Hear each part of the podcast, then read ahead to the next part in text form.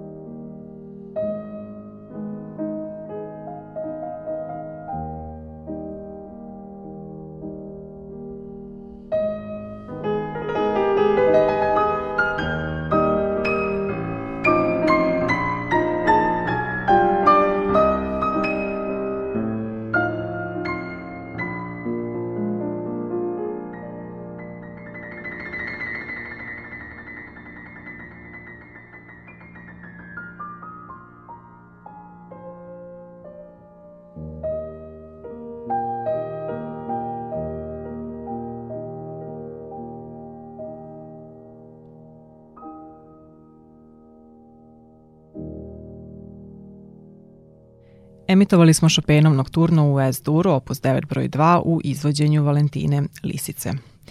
Prvi veliki polski kompozitor rođen je 1810. u jednom mestu nedaleko od Varšave. Njegov otac, nastavnik francuskog, bio je poreklom francuza, majka je poticala iz poznate poljske muzičke porodice i odlično je svirala klavir.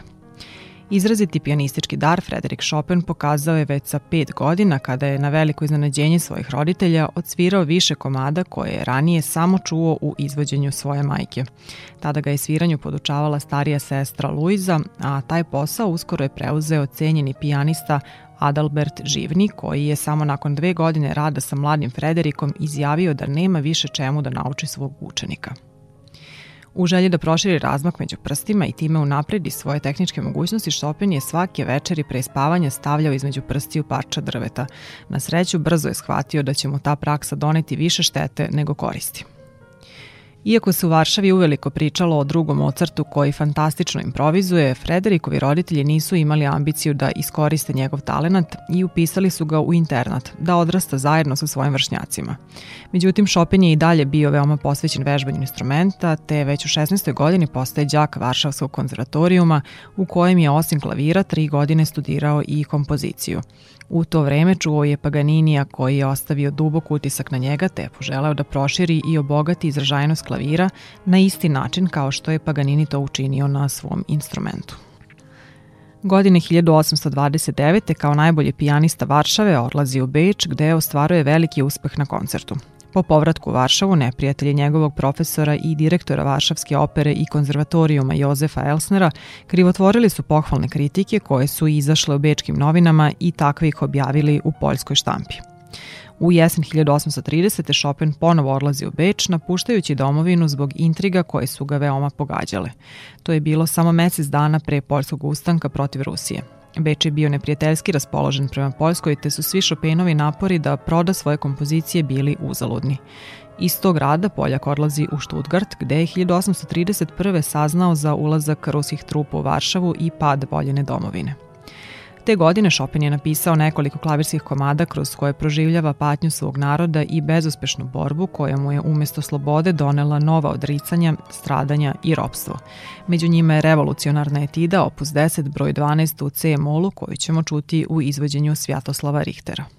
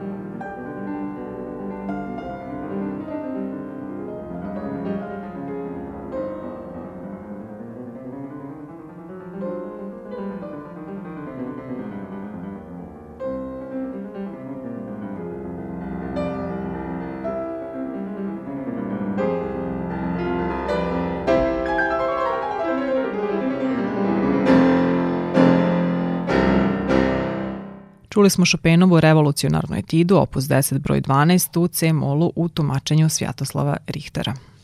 Etida je do Chopina bila instruktivna kompozicija korišćena u nastavi klavira da bi se savladao određeni tehnički problem. Međutim, Chopin od tog didaktičkog muzičkog žanra stvara koncertni komad koji, osim što obuhvata složene tehničke i interpretacione probleme, proširuje granice umetničkog klavirskog izraza. U njima je melodijska, ritmička i harmonska invencija toliko bogata da se neke od 27 Chopinovih etida ubrajaju u vrhunske domete njegovog stvaralaštva. Godine 1831. Chopin iz Stuttgarta putuje u Pariz, koji će mu postati drugi zavičaj. Raskošna muzička prestonica, grad buržovskog liberalizma, domaćinski je dočekivao političke migrante iz različitih zemalja. Chopin stupa u vezu sa svojim sunarodnicima, književnicima Mickivićem i Slovarskim i postaje popularna ličnost poljske kolonije u Parizu. Primljen sam u najzatvorenije krugove visokog društva. Posećujem ambasadore, prinčeve, ministre i ni sam ne mogu da shvatim blagodareći kakvom čudu se sve to desilo, pošto nikada nisam osjećao da me ovaj svet privlači. Kod umetnika koji ovde žive ja nailazim samo na prijateljstvo i poštovanje, uprkos tome što sam ovde tek preko godine dana. Činjenica da mi oni posećuju svoje kompozicije najbolji je dokaz poštovanja koje mi se ukazuje. Ukratko, da sam još glupljeno što sam stvarno, poverovao bih da sam došao do vrhunca svoje karijere. Ali ja dobro znam da je moja umetnost još daleko od savršenstva.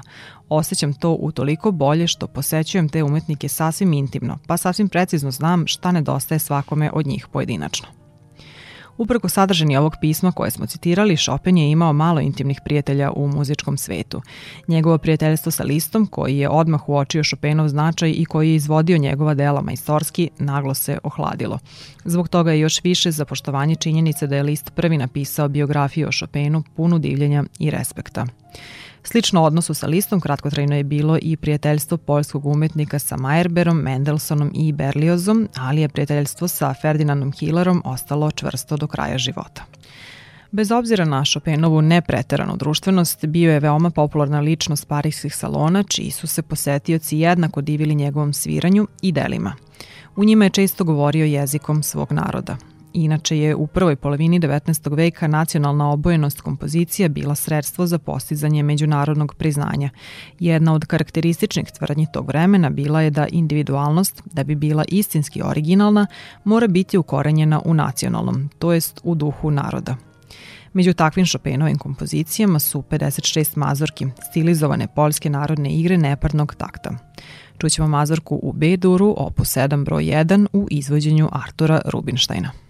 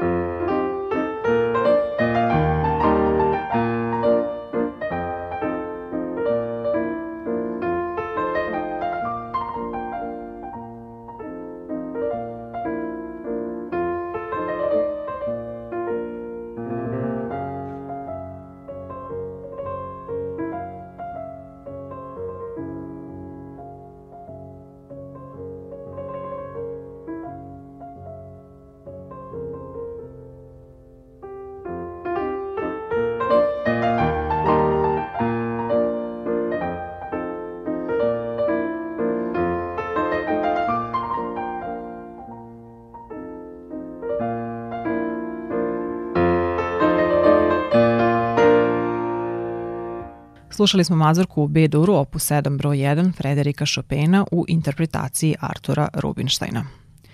Chopin je prvi polski kompozitor koji je pisao muziku snažno povezanu sa narodnom tradicijom, ne služeći se citatima iz folklora. Specifičnim ritmičkim modelima, karakterističnim prizvucima narodne instrumentalne svirke kroz oponašanje gajdaških kvinti u basu i upotrebom starih tonaliteta i narodne melodike, Chopin je u svojim mazurkama, koje inače čine njegov najbrojniji deo opusa, stilizovao i objedinio tri vrste poljskih igara – mazurek, kujavijek i oberek – Uz njih Chopin je omaž svojoj nacionalnoj tradiciji dao i kroz poloneze u kojima se ogleda drugačije lice Poljske.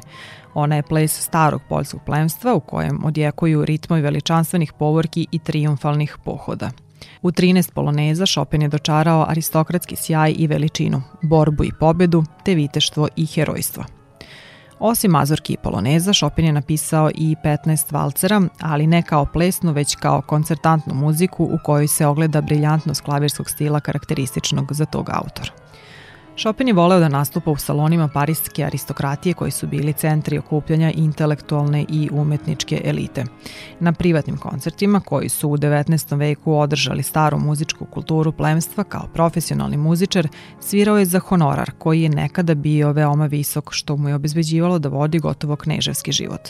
Međutim, honorari nisu uvek bili dovoljni da obezbede egzistenciju, pa je Chopin davao i privatne časove. Iako je poput Lista svoju slavu stekao u salonima velikana i bogataša, poljski pijanista nije voleo velike koncertne podijume za razliku od svog mađarskog kolege. U jednom pismu napisao mu je Nisam pogodan za to da dajem koncerte, jer sam zaplašen publikom, osjećam kako me guši njen dah, kako me parališu njeni radoznali pogledi.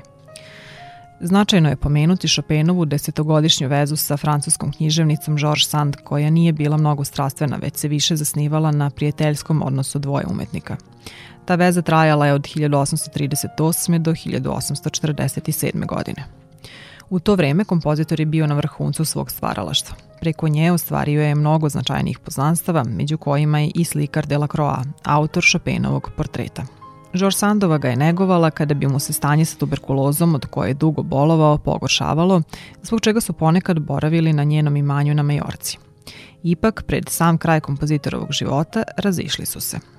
Poslednji parijski nastup Chopin je priredio 1848. a zatim na poziv engleske aristokratije otišao je u London i Škotsku što je pogoršalo njegovo zdravstveno stanje, te se vratio u Pariz gde je proveo poslednje mesece i preminuo 1849. u 40. godini života.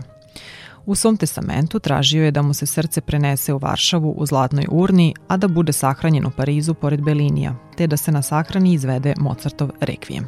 Među isključivo klavirskim delima koje je komponovao poljski muzički velikan nalaze se i balade, sonate, preludijum i skerca i dva klavirska koncerta. Za kraj emisije čućemo baladu u G-molu u interpretaciji Kristijana Cimermana. Chopin je inače prvi kompozitor koji je ovaj žanr iz vokalnog premestio u instrumentalno polje, pripovedajući lirskim, epskim i dramskim bojama bez programskog sadržaja, već obraćajući se publici isključivo tonovima. Ovim muzičkim salonom zaokružili smo mini serijal o zvezdama salona i koncertnih podijuma 19. veka. Za mikrofonom je bila Jovana Golubović, a za ton pultom Dalibor Vidović. Lepo se provedite za praznike, mi vas pozdravljamo do narednog slušanja uz Cimermanovo izvođenje Chopinove balade u G-molu.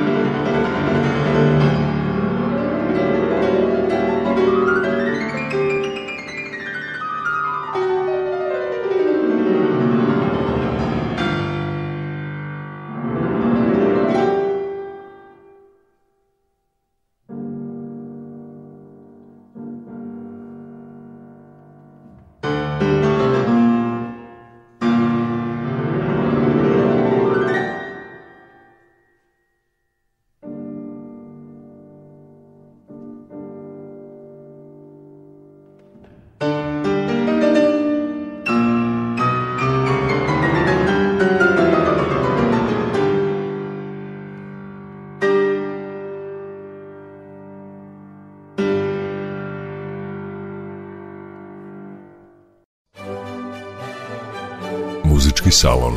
Mesto susreta sa umetničkom muzikom. Muzički salon. Priče o klasičnoj muzici.